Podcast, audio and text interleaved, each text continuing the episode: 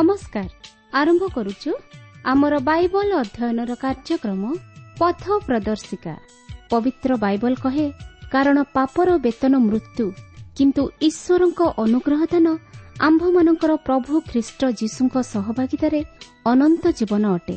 ଆସନ୍ତୁ ସେହି ମୃତ୍ୟୁର ଭୟରୁ ରକ୍ଷା ପାଇ ଅନନ୍ତ ଜୀବନର ଅଧିକାରୀ ହେବା ନିମନ୍ତେ ଶୁଣିବା ବେତାର କାର୍ଯ୍ୟକ୍ରମ ପଥ ପ୍ରଦର୍ଶିକା।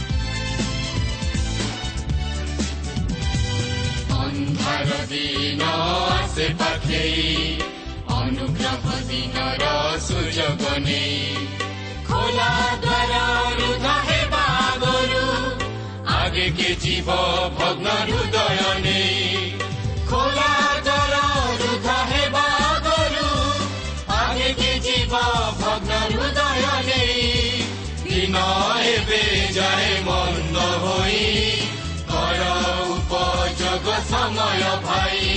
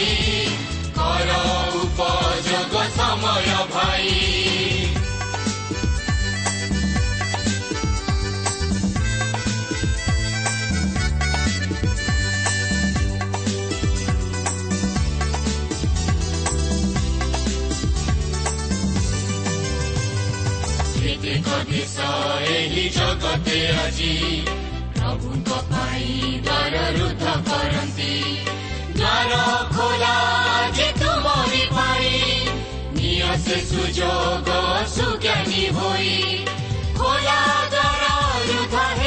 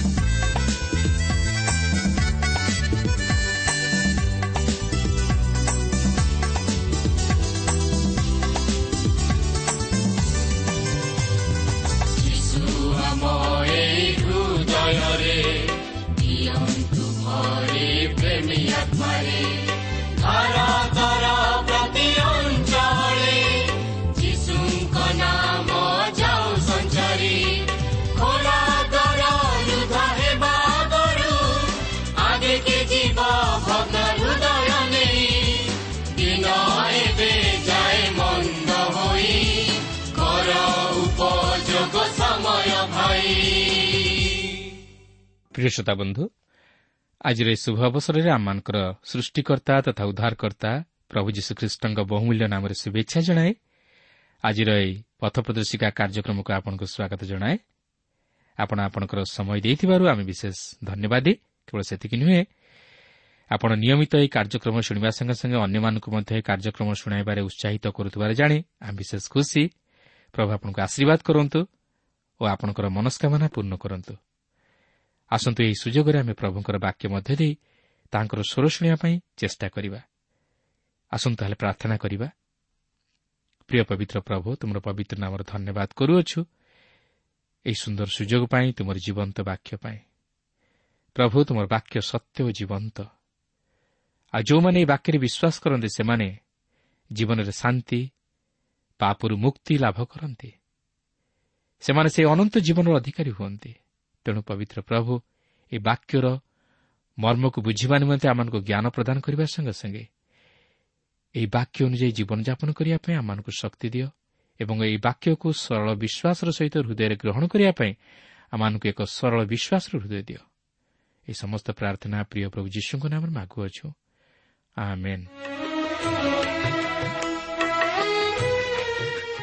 ଆସନ୍ତୁ ବର୍ତ୍ତମାନ ଆମେ ପ୍ରଭୁଙ୍କର ବାକ୍ୟ ମଧ୍ୟକୁ ଯିବା।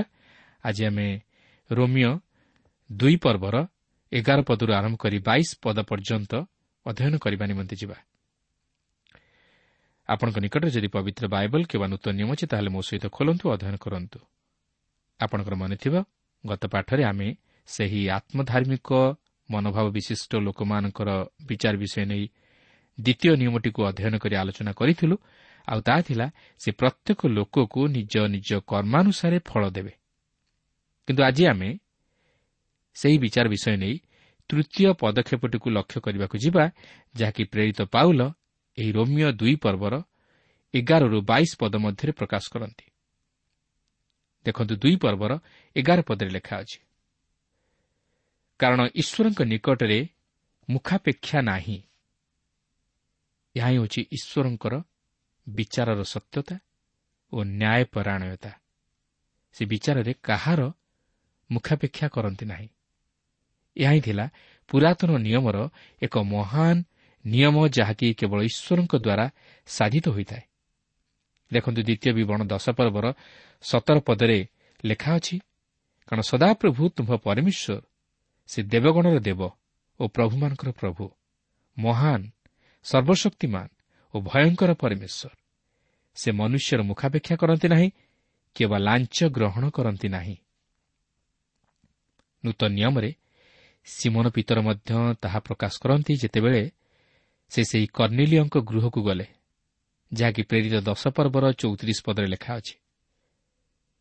ସେଥିରେ ପିତର ମୁଖ ଫିଟାଇ କହିଲେ ଈଶ୍ୱର ଯେ ମୁଖାପେକ୍ଷା କରନ୍ତି ନାହିଁ କିନ୍ତୁ ପ୍ରତ୍ୟେକ ଜାତିରେ ଯେ କେହି ତାହାଙ୍କୁ ଭୟ କରି ଧର୍ମାଚରଣ କରେ ସେ ଯେ ତାହାଙ୍କ ନିକଟରେ ଗ୍ରାହ୍ୟ ହୁଏ ଏହା ମୁଁ ସତ୍ୟ ବୁଝୁଅଛି।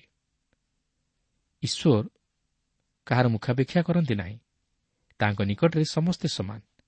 ସେ ନ୍ୟାୟ ବିଚାରକର୍ତ୍ତା ତାଙ୍କଠାରେ କୌଣସି ଅଧର୍ମ ନାହିଁ। ଆପଣ ଜଣେ ମଣ୍ଡଳୀର ନେତା ବା ନେତ୍ରୀ ହୋଇଥାଇପାରନ୍ତି ଆପଣଙ୍କର ଏକ ସୁନ୍ଦର ପାରିବାରିକ ଜୀବନ ଥାଇପାରେ। ଆପଣ ପ୍ରଭୁଙ୍କର ଜଣେ ଦାସ ହୋଇଥାଇପାରନ୍ତି କିମ୍ବା ଆପଣଙ୍କର ପ୍ରତିପତ୍ତି ଥାଇପାରେ। କିମ୍ବା ଆପଣ ମଣ୍ଡଳୀର ଜଣେ ଆଦର୍ଶ କର୍ମକର୍ତ୍ତା ହୋଇଥାଇପାରନ୍ତି ଏହା ବୋଲି ଯେ ଈଶ୍ୱର ଆପଣଙ୍କ ପ୍ରତି ମୁଖାପେକ୍ଷା କରିବେ ତାହା ନୁହେଁ। ମାତ୍ର ମୁଖ୍ୟ ବିଷୟ ହେଉଛି ଯେ ଆପଣ ସେହି ଉଦ୍ଧାରକର୍ତ୍ତାଙ୍କୁ ଗ୍ରହଣ କରିଛନ୍ତି କି ନାହିଁ ତାହା ସେ ଦେଖନ୍ତି। ସେଥିପାଇଁ ପ୍ରଭୁ ଯୀଶୁ କହନ୍ତି ମୋତେ ପ୍ରଭୁ ପ୍ରଭୁ ବୋଲି ଡାକନ୍ତି ଏପରି ପ୍ରତ୍ୟେକ ସ୍ୱର୍ଗ ରାଜ୍ୟରେ ପ୍ରବେଶ କରିବେ ନାହିଁ। ମାତ୍ର ଯେ ମୋହର ସ୍ୱର୍ଗସ୍ଥ ପିତାଙ୍କ ଇଚ୍ଛା ସାଧନ କରେ ସେ ପ୍ରବେଶ କରିବ। ତେବେ ସେହି ସ୍ୱର୍ଗସ୍ଥ ପିତାଙ୍କର ଇଚ୍ଛା କ'ଣ? ତାହାଙ୍କର ଇଚ୍ଛା ଆମେ ଯେପରି ପ୍ରଭୁ ଯୀଶୁଖ୍ରୀଷ୍ଟଙ୍କଠାରେ ବିଶ୍ୱାସ କରି ଓ ତାହାଙ୍କୁ ଉଦ୍ଧାରକର୍ତ୍ତା ରୂପେ ଗ୍ରହଣ କରି ପାପରୁ ଉଦ୍ଧାର ପାଉ ଓ ଅନନ୍ତ ଜୀବନର ଅଧିକାରୀ ହେଉ। ପ୍ରିୟ ବନ୍ଧୁ ଆପଣ ପ୍ରଭୁଙ୍କ ନିମନ୍ତେ ଅନେକ କିଛି ଉତ୍ତମ କର୍ମମାନ ସାଧନ କରିଥାଇ ପାରନ୍ତି। ମାତ୍ର ତାହା ଆପଣଙ୍କୁ ଅନନ୍ତ ଜୀବନରେ ପ୍ରବେଶ କରାଇପାରିବ ନାହିଁ। ମାତ୍ର ଆପଣ ଖ୍ରୀଷ୍ଟଙ୍କୁ ଗ୍ରହଣ କରି ତାହାଙ୍କଠାରେ ବିଶ୍ୱାସରେ ସ୍ଥିର ରହିଲେ ସେ ଅନନ୍ତ ଜୀବନର ଅଧିକାରୀ କରାଇପାରିବେ। ସେ ହିଁ ଅନନ୍ତ ଜୀବନର ଅଧିକାରୀ ହୋଇପାରିବ। କାରଣ ଅନନ୍ତ ଜୀବନକୁ ଆପଣ ଅର୍ଥ ଦେଇ କିଣିପାରିବେ ନାହିଁ କି ଆପଣଙ୍କର ପାରିଶ୍ରମିକ ଦେଇ ଆପଣ ତାହା ପାଇପାରିବେ ନାହିଁ। ଯେହେତୁ ଏହା ଈଶ୍ୱରଙ୍କର ଅନୁଗ୍ରହର ଦାନ ମାତ୍ର କ୍ରିୟାକର୍ମରୁ ନୁହେଁ। ଯେପରି କୌଣସି ଲୋକ ଏଥି ନିମନ୍ତେ ଗର୍ବ କରି ନ ପାରନ୍ତି ମାତ୍ର ଈଶ୍ୱରଙ୍କୁ ଗୌରବ ଦେଇପାରନ୍ତି। କିନ୍ତୁ ଆପଣ ସେହି ଖ୍ରୀଷ୍ଟଙ୍କ ମଧ୍ୟ ଦେଇ ତହିଁର ଅଧିକାରୀ ହୋଇପାରିବେ। ତେଣୁ ଈଶ୍ୱର ଆପଣଙ୍କ ଜୀବନରେ ସେହି ନ୍ୟାୟ ସତ୍ୟତା ଓ ପବିତ୍ରତା ଖ୍ରୀଷ୍ଟଙ୍କ ମଧ୍ୟ ଦେଇ ଦେଖିବାକୁ ଚାହାନ୍ତି।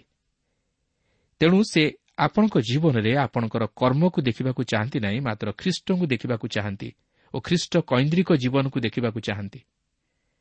ଏହାପରେ ଦୁଇ ପର୍ବର ବାର ପଦରେ ଲେଖା ଅଛି ଜଣୁ ଯେତେ ବ୍ୟବସ୍ଥା ବିହୀନ ହୋଇ ପାପ କରିଅଛନ୍ତି ସେମାନେ ମଧ୍ୟ ବ୍ୟବସ୍ଥା ବିନା ବିନଷ୍ଟ ହେବେ ଆଉ ଯେତେ ବ୍ୟବସ୍ଥା ପ୍ରାପ୍ତ ହୋଇ ପାପ କରିଅଛନ୍ତି ସେମାନେ ବ୍ୟବସ୍ଥାନୁସାରେ ବିଚାରିତ ହେବେ ଏହା ଆଉ ଏକ ନିୟମ ଯାହାକି ଚତୁର୍ଥ ନିୟମ ଓ ଏହି ନିୟମ ଅନୁଯାୟୀ ଈଶ୍ୱର ବିଚାର କରିବାକୁ ଯାଉଅଛନ୍ତି ଲକ୍ଷ୍ୟ କରନ୍ତୁ ଏହି ନିୟମ କିପରି ଏହାର ପରବର୍ତ୍ତୀ ଅଂଶରେ ବ୍ୟବହାରିକ ଭିତ୍ତିରେ ପ୍ରକାଶ କରାଯାଇଅଛି। ଦୁଇ ପର୍ବର ତେର ପଦରେ ଲେଖା ଅଛି କାରଣ ବ୍ୟବସ୍ଥାର ଶ୍ରୋତାମାନେ ଈଶ୍ୱରଙ୍କ ସାକ୍ଷାତରେ ଧାର୍ମିକ ନୁହନ୍ତି କିନ୍ତୁ ବ୍ୟବସ୍ଥା ପାଳନକାରୀମାନେ ଧାର୍ମିକ ଗଣିତ ହେବେ। ଅନେକ କହନ୍ତି ବିଜାତୀୟ ଦେବପୂଜକମାନେ ବିନଷ୍ଟ ହୋଇଅଛନ୍ତି ଯେହେତୁ ସେମାନେ ଖ୍ରୀଷ୍ଟଙ୍କ ବିଷୟରେ ଶୁଣିନାହାନ୍ତି କି ତାହାଙ୍କୁ ଗ୍ରହଣ କରିନାହାନ୍ତି।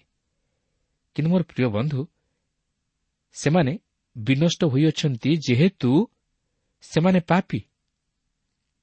ତାହା ହିଁ ହେଉଛି ପ୍ରତ୍ୟେକ ମନୁଷ୍ୟର ଅବସ୍ଥା। ମନୁଷ୍ୟମାନେ ବ୍ୟବସ୍ଥା ଅନୁଯାୟୀ ଉଦ୍ଧାର ପାଆନ୍ତି ନାହିଁ ମାତ୍ର ସେମାନେ ବ୍ୟବସ୍ଥା ଅନୁଯାୟୀ ବିଚାରିତ ହୁଅନ୍ତି। ଯେହେତୁ ବ୍ୟବସ୍ଥା ମନୁଷ୍ୟକୁ ନିଜର ପାପମୟ ଜୀବନ ଓ ଦୋଷ ଦୁର୍ବଳତାକୁ ଦେଖାଇଦେବା ସଙ୍ଗେ ସଙ୍ଗେ ତାହାକୁ ଜଣେ ଉଦ୍ଧାରକର୍ତ୍ତାଙ୍କର ଆବଶ୍ୟକତାକୁ ଉପଲବ୍ଧି କରାଇଥାଏ। ଯଦ୍ୱାରା ମନୁଷ୍ୟ ଜଣେ ଉଦ୍ଧାରକର୍ତ୍ତାଙ୍କର ଆବଶ୍ୟକତାକୁ ଉପଲବ୍ଧି କରି ତାହାଙ୍କର ନିକଟବର୍ତ୍ତୀ ହୋଇଥାଏ ବ୍ୟବସ୍ଥା ଜଣେ ପାପୀକୁ ପାପରୁ ଉଦ୍ଧାର କରିପାରେ ନା ମାତ୍ର ସେହି ଉଦ୍ଧାର ନିମନ୍ତେ ପଥ ଦେଖାଇଥାଏ ତେବେ ଏଠାରେ ଆମେ ଦେଖୁଛୁ ଯେ ଈଶ୍ୱର ବ୍ୟବସ୍ଥା ଅନୁଯାୟୀ ମନୁଷ୍ୟର ଯଥାର୍ଥ ବିଚାର କରନ୍ତି ଓ ସେ ବ୍ୟବସ୍ଥାର ଶ୍ରୋତାମାନଙ୍କୁ ନୁହେଁ ମାତ୍ର ପାଳନକାରୀମାନଙ୍କୁ ଧାର୍ମିକ ବୋଲି ବିବେଚନା କରନ୍ତି। କିନ୍ତୁ ପ୍ରକୃତରେ ଦେଖିବାକୁ ଗଲେ ବାସ୍ତବ ବ୍ୟବସ୍ଥା ପାଳନକାରୀ ଯେଉଁ ମନୁଷ୍ୟ ସେ ଖ୍ରୀଷ୍ଟଙ୍କୁ ସେହି ବ୍ୟବସ୍ଥା ମଧ୍ୟରେ ଦେଖିପାରେ ଓ ନିଜର ପାପମୟ ଜୀବନ ଓ ଦୁର୍ବଳତାକୁ ସେହି ବ୍ୟବସ୍ଥା ମାଧ୍ୟମରେ ଦେଖି ଖ୍ରୀଷ୍ଟଙ୍କଠାରେ ବିଶ୍ୱାସ କରି ଓ ତାହାଙ୍କୁ ଗ୍ରହଣ କରି ଈଶ୍ୱରଙ୍କ ଦୃଷ୍ଟିରେ ଧାର୍ମିକ ବୋଲି ବିବେଚିତ ହୋଇଥାଏ। ଅନେକ ଭାବନ୍ତି ଯେ ଯଦି ସେମାନେ ସେହି ପାର୍ବତ୍ୟ ଉପଦେଶକୁ ଗ୍ରହଣ କରି ତାହାକୁ ଯଥାର୍ଥ ବୋଲି ବିବେଚନା କରନ୍ତି ତାହେଲେ ସେମାନେ ଉଦ୍ଧାରପ୍ରାପ୍ତ ଅଟନ୍ତି। କିନ୍ତୁ ତାହା ମନୁଷ୍ୟ ପକ୍ଷରେ ସମ୍ଭବ ନୁହେଁ। ଆସନ୍ତୁ ଏହାପରେ ପଞ୍ଚମ ନିୟମଟିକୁ ଦେଖିବା। ରୋମିଓ ଦୁଇ ପର୍ବର ଚଉଦରୁ ପନ୍ଦର ପଦରେ ଏହିପରି ଲେଖା ଅଛି ଯେଣୁ ବିଜାତିମାନଙ୍କର ସେହି ବ୍ୟବସ୍ଥା ନ ଥିଲେ ସୁଦ୍ଧା ଯେତେବେଳେ ସେମାନେ ସ୍ୱାଭାବିକ ଭାବରେ ବ୍ୟବସ୍ଥା ଅନୁଯାୟୀ କର୍ମ କରନ୍ତି ସେତେବେଳେ ସେମାନେ ବ୍ୟବସ୍ଥା ନ ପାଇଲେ ହେଁ ଆପେ ଆପଣା ଆପଣା ପ୍ରତି ବ୍ୟବସ୍ଥା ସ୍ୱରୂପ ଅଟନ୍ତି କାରଣ ସେମାନେ ବ୍ୟବସ୍ଥାର କର୍ମ ଆପଣା ଆପଣା ହୃଦୟରେ ଲିଖିତ ବୋଲି ଦେଖାନ୍ତି ସେମାନଙ୍କ ବିବେକ ମଧ୍ୟ ସେଥିର ସାକ୍ଷ୍ୟ ଦିଏ ଆଉ ସେମାନଙ୍କ ମନର ତର୍କ ବିତର୍କ ସେମାନଙ୍କୁ ଦୋଷୀ କିମ୍ବା ନିର୍ଦ୍ଦୋଷ କରେ। ଈଶ୍ୱର ବିଜାତିମାନଙ୍କୁ ସେମାନଙ୍କର ବିବେକ ଅନୁଯାୟୀ ସେମାନଙ୍କର ବିଚାର କରିପାରିବେ ବା କରିବେ। ଅନେକ ଭାବନ୍ତି ଯେ ଯେହେତୁ ବିଜାତୀୟମାନେ ଈଶ୍ୱରଙ୍କ ଭାବବାଣୀ ପାଇନାହାନ୍ତି ତେଣୁକରି ସେମାନେ ଈଶ୍ୱରଙ୍କ ବିଚାରରୁ ଛାଡ଼ ପାଇଯିବେ। ମାତ୍ର ତାହା ମଧ୍ୟ ନୁହେଁ। ସେମାନଙ୍କ ହୃଦୟରେ ସେହି ଭାବବାଣୀ ଲିଖିତ ଅଛି। ସେମାନଙ୍କ ବିବେକ ସେମାନଙ୍କୁ ତାହା ଶିକ୍ଷା ଦିଏ। ମାତ୍ର ଘଟଣାଟି ହେଉଛି ସେମାନେ ତଦନୁଯାୟୀ ଜୀବନଯାପନ କରିପାରନ୍ତି ନାହିଁ। ତେଣୁ ଈଶ୍ୱର ସେହି ଅନୁଯାୟୀ ସେମାନଙ୍କର ବିଚାର କରିବେ। ଦୁଇ ପର୍ବର ଷୋହଳ ପଦରେ ଲେଖା ଅଛି ଯେଉଁ ଦିନରେ ଈଶ୍ୱର ମୋହର ସୁଷମାଚାର ଅନୁସାରେ ଯୀଶୁଖ୍ରୀଷ୍ଟଙ୍କ ଦ୍ୱାରା ମନୁଷ୍ୟମାନଙ୍କର ଗୁପ୍ତ ବିଷୟଗୁଡ଼ିକ ବିଚାର କରିବେ ସେହିଦିନ ଏହା ପ୍ରକାଶ ପାଇବ। ଆମେ ଭାବୁ ଯେ ଆମେ ଅତି ଉତ୍ତମ ଲୋକ ତେଣୁ ଆମେ ଉଦ୍ଧାର ପାଇବା। ଆମମାନଙ୍କ ମନରେ ଏହି ଆତ୍ମଧାର୍ମିକତାର ମନୋଭାବ ସ୍ଥାନ ପାଏ। କିନ୍ତୁ ଈଶ୍ୱର ମଧ୍ୟ ଏହିପରି ମନୋଭାବ ବିଶିଷ୍ଟ ଲୋକମାନଙ୍କର ବିଚାର କରିବେ। ଓ ସେ ଖ୍ରୀଷ୍ଟ ଯୀଶୁଙ୍କ ଦ୍ୱାରା ସେମାନଙ୍କର ବିଚାର କରିବେ। ଯିଏକି କହନ୍ତି ଯେ କେହି କାମ ଭାବରେ ଜଣେ ସ୍ତ୍ରୀ ପ୍ରତି ଦୃଷ୍ଟି କରେ ସେ ମନେ ମନେ ତାହା ସହିତ ବ୍ୟଭିଚାର କରେ ଓ ସେହି ବ୍ୟଭିଚାର ଜନିତ ଦୋଷରେ ଦୋଷୀକୃତ ହୁଏ। ତେବେ ମନୁଷ୍ୟ ହୃଦୟର ଗୁପ୍ତ ଚିନ୍ତାଧାରା ନେଇ ଏହା ହେଉଛି ଏକ ଉଦାହରଣ। ଏହିପରି ଅନେକ ଉଦାହରଣ ମଧ୍ୟ ରହିଅଛି। ତେବେ ଆପଣ କ'ଣ ଚାହାନ୍ତି? ଆପଣଙ୍କ ହୃଦୟର ଗୁପ୍ତ ଚିନ୍ତାଧାରା ପ୍ରକାଶିତ ହେଉ। ଆପଣ କେବେ ହେଲେ ତାହା ଚାହିଁବେ ନାହିଁ। ଏହିପରି ଭାବେ ଆମ ପ୍ରତ୍ୟେକଙ୍କ ଜୀବନରେ ଅନେକ କିଛି ମନ୍ଦ ଚିନ୍ତା ବା ବିଷୟ ସବୁ ରହିଅଛି ଯାହାକି ବାହାରକୁ ପ୍ରକାଶ ପାଇନଥାଏ ମାତ୍ର ଏହାଦ୍ୱାରା ଆମ୍ଭେମାନେ ବିଚାରିତ ହେବା। ତେଣୁକରି ଆମେ ପ୍ରତ୍ୟେକ ସେହି ପ୍ରଭୁ ଯୀଶୁଙ୍କ ନିକଟକୁ ଧାଇଁଯିବା ଉଚିତ। ଯିଏକି ଆମମାନଙ୍କର ଏହି କଳୁଷିତ ଜୀବନକୁ ପାପରୁ ଉଦ୍ଧାର କରି ଆମମାନଙ୍କୁ ଈଶ୍ୱରଙ୍କ ନିକଟରେ ଧାର୍ମିକ ବୋଲି ଉପସ୍ଥାପିତ କରିପାରିବେ। ଯେଣୁ ବ୍ୟବସ୍ଥା ପାଳନ କରିବା ଦ୍ୱାରା ଆମମାନେ କେବେ ହେଲେ ଧାର୍ମିକ ଗଣିତ ହୋଇପାରିବା ନାହିଁ। ଯେହେତୁ ଆମେ ସ୍ୱଭାବତଃ ପାପି ଓ ଆମମାନଙ୍କର ଅନ୍ତଃକରଣ କଳୁଷିତ ଓ ଅପ୍ରତି କାର୍ଯ୍ୟରେ ଜଡ଼ିତ। କେବଳ ଖ୍ରୀଷ୍ଟ ହିଁ ଆମମାନଙ୍କୁ ତହିଁରୁ ଉଦ୍ଧାର କରି ମୁକ୍ତି ଦେଇପାରିବେ। ଏଠାରେ ଆପଣ ଲକ୍ଷ୍ୟ କରିବେ ଯେ ଈଶ୍ୱର ବିଶେଷ କରି ସେହି ଧାର୍ମିକ ମନୋଭାବ ବିଶିଷ୍ଟ ଲୋକମାନଙ୍କର ଅର୍ଥାତ୍ ଜୁହୁଦୀମାନଙ୍କର ବିଚାର କରିବାକୁ ଯାଉଅଛନ୍ତି। କାରଣ ସେମାନେ ଈଶ୍ୱରଙ୍କ ଭାବବାଣୀ ପ୍ରାପ୍ତ ହୋଇଛନ୍ତି ଓ ଈଶ୍ୱରଦତ୍ତ ଧର୍ମ ପ୍ରାପ୍ତ ହୋଇଅଛନ୍ତି। ଦେଖନ୍ତୁ ରୋମିଓ ଦୁଇ ପର୍ବର ସତର ଅଠର ପଦରେ ଏହିପରି ଲେଖା ଅଛି କିନ୍ତୁ ଯଦି ତୁମ୍ଭେ ଜିହୁଦୀ ନାମ ବହନ କରି ବ୍ୟବସ୍ଥା ଉପରେ ନିର୍ଭର କରୁଅଛ ଓ ଈଶ୍ୱରଙ୍କଠାରେ ଗର୍ବ କରୁଅଛ। ଆଉ ବ୍ୟବସ୍ଥାରୁ ଶିକ୍ଷା ପ୍ରାପ୍ତ ହୋଇ ତାହାଙ୍କ ଇଚ୍ଛା ଜାଣୁଅଛ। ପୁଣି ଭଲମନ୍ଦର ପ୍ରଭେଦ ବୁଝୁଅଛ। ଏପରି ଲୋକ ପାଇଁ ଧର୍ମ ଏକ ଆଶାବାଡ଼ି ନୁହେଁ ମାତ୍ର ଗର୍ବ ଓ ଆତ୍ମଧାର୍ମିକତାର କାରଣ। ଯେତେବେଳେ ଜଣେ ମନୁଷ୍ୟ ସେହି ଆଲୋକର ପରିଚୟ ପାଏ ସେତେବେଳେ ତାହାର ଅନେକ ଦାୟିତ୍ୱ ବଢ଼ିଯାଏ ଓ ସେ ତହିଁ ନିମନ୍ତେ ଉତ୍ତରଦାୟୀ ହୁଏ। ହୋଇପାରେ ସେ ଦୋଷୀକୃତ ମଧ୍ୟ ହୁଏ। ଠିକ୍ ସେହିପରି ଏହି ଜୁହୁଦୀମାନେ ବିଜାତିମାନଙ୍କ ଉପରେ ଦଶଟି ପ୍ରାଧାନ୍ୟତା ଲାଭ କରିଥିଲେ ଯାହାକି ଆମେ ଏହି କେତୋଟି ପଦ ମଧ୍ୟରେ ଲକ୍ଷ୍ୟ କରିବାକୁ ପାରିବା ଯେଉଁଥିପାଇଁ ସେମାନେ ଅନ୍ୟମାନଙ୍କ ଅପେକ୍ଷା ଅଧିକ ଉତ୍ତରଦାୟୀ। ତେବେ ଏହି ଅଂଶରେ ଆମେ ପ୍ରଥମ ପାଞ୍ଚଟି ପ୍ରାଧାନ୍ୟତା ଲାଭ କରିଥିବାର ବିଷୟ ଲକ୍ଷ୍ୟ କରିବାକୁ ପାରିବା।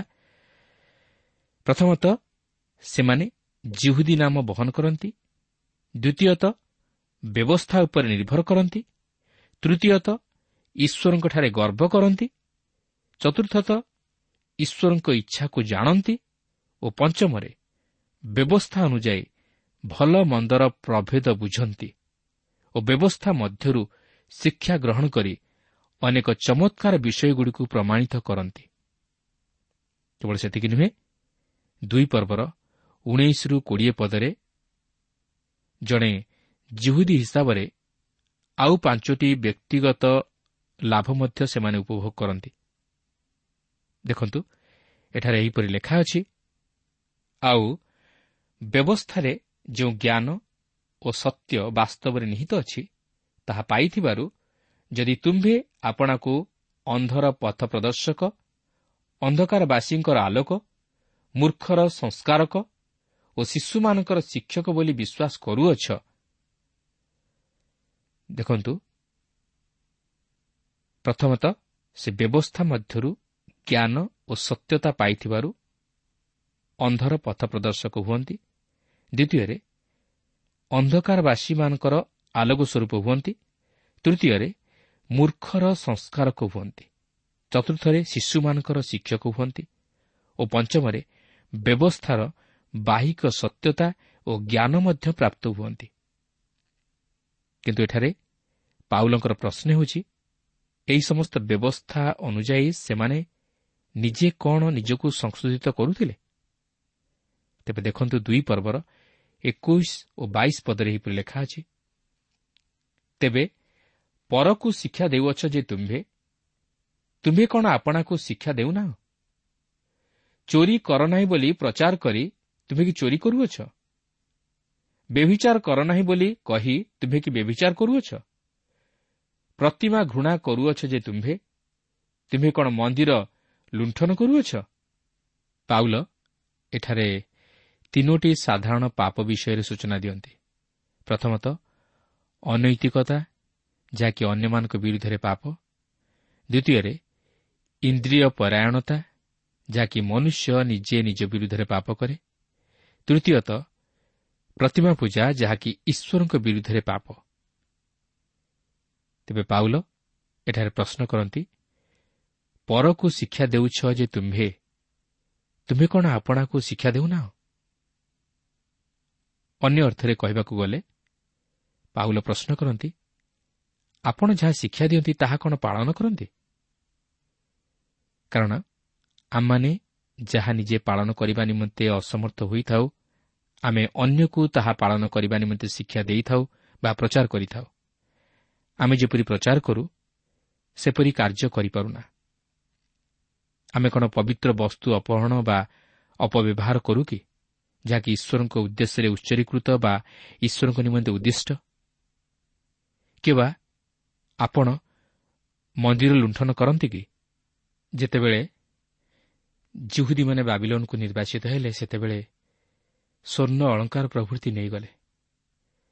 ମାତ୍ର ତାହାପରେ ସେ କେବେ ହେଲେ ପ୍ରତିମା ପୂଜା କଲା ନାହିଁ କିନ୍ତୁ ସେ ଯାହା ହେଉନା କାହିଁକି ସେ ସେହି ସମସ୍ତ ବାଣିଜ୍ୟ ରତ୍ନ ଯାହାକି ଦେବପୂଜମାନଙ୍କ ମନ୍ଦିର ମଧ୍ୟରୁ ଆସିଥିଲା ସେହି ସମସ୍ତକୁ ତାହାର ବ୍ୟବସାୟରେ ବ୍ୟବହାର କରିବା ନିମନ୍ତେ ମନରେ କୌଣସି ଦ୍ୱିଧାଭାବ ବହି ନ ଥିଲା କି ତାହା ଖରାପ ବୋଲି ବିଚାର କରିନଥିଲା। ସେହିପରି ଆଜି ମଧ୍ୟ ଅନେକ ଖ୍ରୀଷ୍ଟ ବିଶ୍ୱାସୀମାନେ ଅଛନ୍ତି ଯେଉଁମାନେ କି ବ୍ୟବସାୟ କରିବାକୁ ପସନ୍ଦ କରନ୍ତି ଓ ଅନ୍ୟାୟ ଲାଭର ପଛରେ ଦୌଡ଼ି ଅନେକ ଅର୍ଥ ଉପାର୍ଜନ କରନ୍ତି ଓ ମଣ୍ଡଳୀ ମଧ୍ୟରେ ଦୋଷୀକୃତ ହେଲେ ମଧ୍ୟ ତହିଁ ପ୍ରତି ଭ୍ରକ୍ଷେପ କରନ୍ତି ନାହିଁ। ଅନେକ ଖ୍ରୀଷ୍ଟୀୟ ମଣ୍ଡଳୀ ମଧ୍ୟରେ ଈଶ୍ୱରଙ୍କର ଧନ ସଦ୍ଭାବରେ ବିନିଯୋଗ କରାଯାଏ ନାହିଁ। ଅନେକ ପ୍ରଭୁଙ୍କ ନିକଟରେ ଅନେକ ବିଷୟରେ ମାନତ କରନ୍ତି ମାତ୍ର ତାହା ପୂରଣ କରନ୍ତି ନାହିଁ। ପ୍ରଭୁଙ୍କ ନିମନ୍ତେ ଯାହା ଉତ୍ସର୍ଗ କରିବା କଥା ତାହା କରନ୍ତି ନାହିଁ। ଦଶମାଂଶ ଠିକ୍ ଭାବେ ଦିଅନ୍ତି ନାହିଁ। ଏହି ପ୍ରକାରେ ସେମାନେ ପ୍ରଭୁଙ୍କ ଧନ ଅପହରଣ କରନ୍ତି ବା ଅପବ୍ୟବହାର କରନ୍ତି। ବର୍ତ୍ତମାନ ପାଉଲ ଯେଉଁ ତିନୋଟି ପାପ ବିଷୟ ନେଇ ପ୍ରକାଶ କରନ୍ତି ତାହା ସେ ପ୍ରକାରାନ୍ତରରେ ରୋମିଓ ପ୍ରଥମ ପର୍ବରେ ଦର୍ଶାଇ ସାରିଛନ୍ତି। ଏହି ପ୍ରତିମା ପୂଜା ରୂପକ ପାପ ଜୁହୁଦୀ ପକ୍ଷେ ଅତି ଭୟଙ୍କର ଜନକ ଥିଲା। ସେହି ପାପଠାରୁ ବଳି ଆଉ କିଛି ନ୍ୟୁନ ଧରଣର ପାପ ନାହିଁ।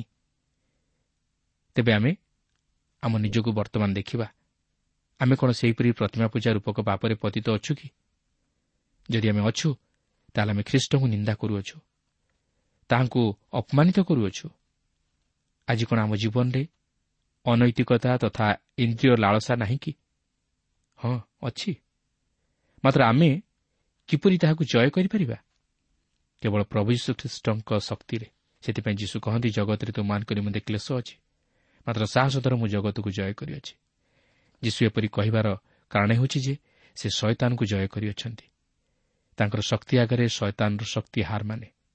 ଶୟତାନ ଏହି ଜଗତର ଅଧିପତି ତେଣୁ ସେ ମନୁଷ୍ୟମାନଙ୍କର ଦୁର୍ବଳତା ଜାଣି ସେମାନଙ୍କୁ ପରୀକ୍ଷା ଓ ପ୍ରଲୋଭନରେ ପକାଏ ଓ ମନୁଷ୍ୟ ତାହାର ଶିକାର ହୁଏ। ସେଦିନ ପ୍ରକୃତରେ ଜୁହୁରୀମାନେ ଯଦିଓ ବ୍ୟବସ୍ଥା ଉପରେ ନିର୍ଭର କରୁଥିଲେ ଓ ଅନ୍ୟମାନଙ୍କୁ ଶିକ୍ଷା ଦେଉଥିଲେ କିନ୍ତୁ ସେମାନେ ନିଜେ ତାହା କାର୍ଯ୍ୟରେ ପ୍ରତିଫଳିତ କରିପାରୁନଥିଲେ। ତେଣୁକରି ପ୍ରେରିତ ପାଉଲଙ୍କ ମନରେ ଯେଉଁ ପ୍ରଶ୍ନ ଆସିଥିଲା ତାହା ଅତି ଯୁକ୍ତିଯୁକ୍ତ ଓ ତାହା ମଧ୍ୟ ଘଟୁଅଛି। କେବଳ ଜୁହୁଦୀମାନେ ନୁହନ୍ତି ଆଜି ପ୍ରତ୍ୟେକଙ୍କ ଜୀବନରେ ମଧ୍ୟ ସେହି ଦୁର୍ବଳତା ଦେଖାଯାଏ। ମନୁଷ୍ୟ ସବୁକିଛି ଜାଣି ମଧ୍ୟ ନ ଜାଣିଲା ପରି କାର୍ଯ୍ୟ କରେ ଓ ସବୁକିଛି ଶିକ୍ଷା ଦେଇ ମଧ୍ୟ ନିଜେ ଶିକ୍ଷିତ ହୋଇପାରେ ନା କାରଣ କୌଣସି ମନୁଷ୍ୟ ବ୍ୟବସ୍ଥା ଅନୁଯାୟୀ ଜୀବନଯାପନ କରି ଈଶ୍ୱରଙ୍କର ଗ୍ରାହ୍ୟ ଧାର୍ମିକତା ସାଧନ କରିପାରିବ ନାହିଁ। ଯେହେତୁ ମନୁଷ୍ୟ ହେଉଛି ପାପି ଓ ତାହାର ସ୍ୱଭାବ ହେଉଛି ପାପ କରିବା। କିନ୍ତୁ ଆମେ ଜାଣି ରଖିବାକୁ ହେବ ଯେ ଆମେ ଦିନେ ନା ଦିନେ ଈଶ୍ୱରଙ୍କ ବିଚାରର ସମ୍ମୁଖୀନ ହେବା। କିନ୍ତୁ ଆଜି ଆମମାନେ କେଉଁ ପ୍ରକାର ବିଚାରିତ ହେବାକୁ ଚାହୁଁ? ଯଦି ଆମେ ବ୍ୟବସ୍ଥା ଅନୁଯାୟୀ ବିଚାରିତ ହେବାକୁ ଚାହୁଁ ତାହେଲେ ଆମେ ପାରିବା ନାହିଁ। ଯେହେତୁ କୌଣସି ମନୁଷ୍ୟ ବ୍ୟବସ୍ଥା ପାଳନ କରି ଈଶ୍ୱରଙ୍କର ଗ୍ରାହ୍ୟ ଧାର୍ମିକତା ସାଧନ କରିପାରିବ ନାହିଁ।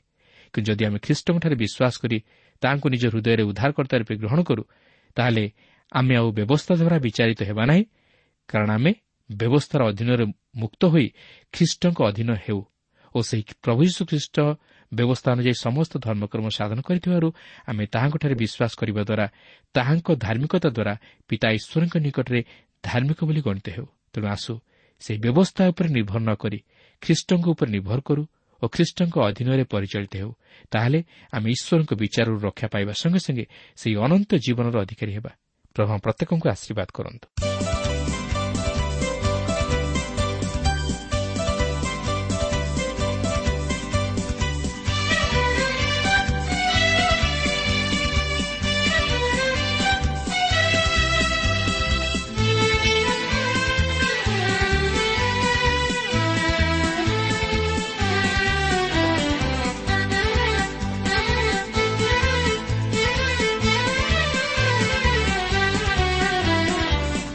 ବାକ୍ୟ ହେଉ ଆମ ପଥ ପ୍ରଦର୍ଶକ କୃଷ ହେଉ ଆମ ସ୍ୱପ୍ନ କୃଷ ଦୂରେ ନେବ ସକଳର ଦୁଃଖ ପାପ ତିମିରା ଛନ୍ନ ବାକ୍ୟ ହେଉ ଆମ ପଥ ପ୍ରଦର୍ଶକ କୃଷ ହେଉ ଆମ ସ୍ୱପ୍ନ କୃଷ ଦୂରେ ନେବ ସକଳର ଦୁଃଖ ପାପ ପ୍ରିୟ ଶ୍ରୋତା ଆପଣ ଈଶ୍ୱରଙ୍କ ବାକ୍ୟ ଶୁଣିବା ନିମନ୍ତେ ସମୟ ଦେଇଥିବାରୁ ଆମେ ଧନ୍ୟବାଦୀ।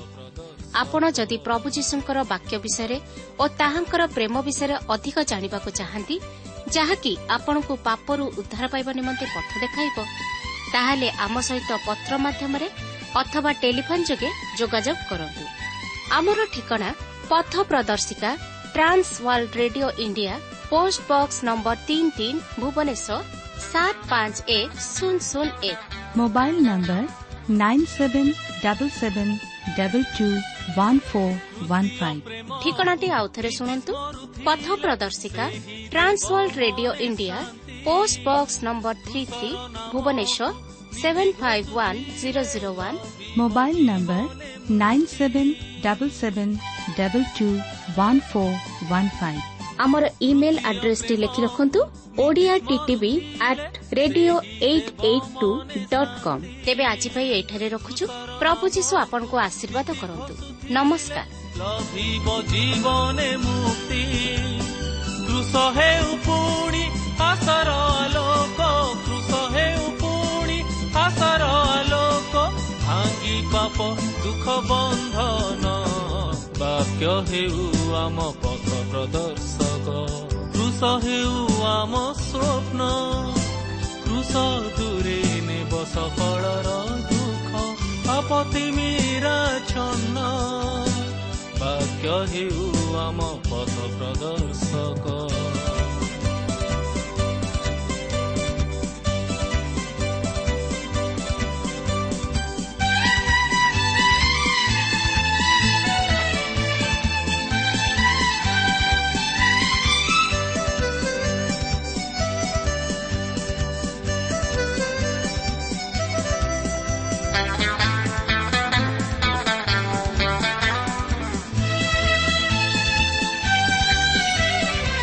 ପାଶେ ଆମେ ଅରପିବାଜି ଅଛି ଯେତେ ପାପ ରାଶି କୃଷ ହିଁ କେବଳ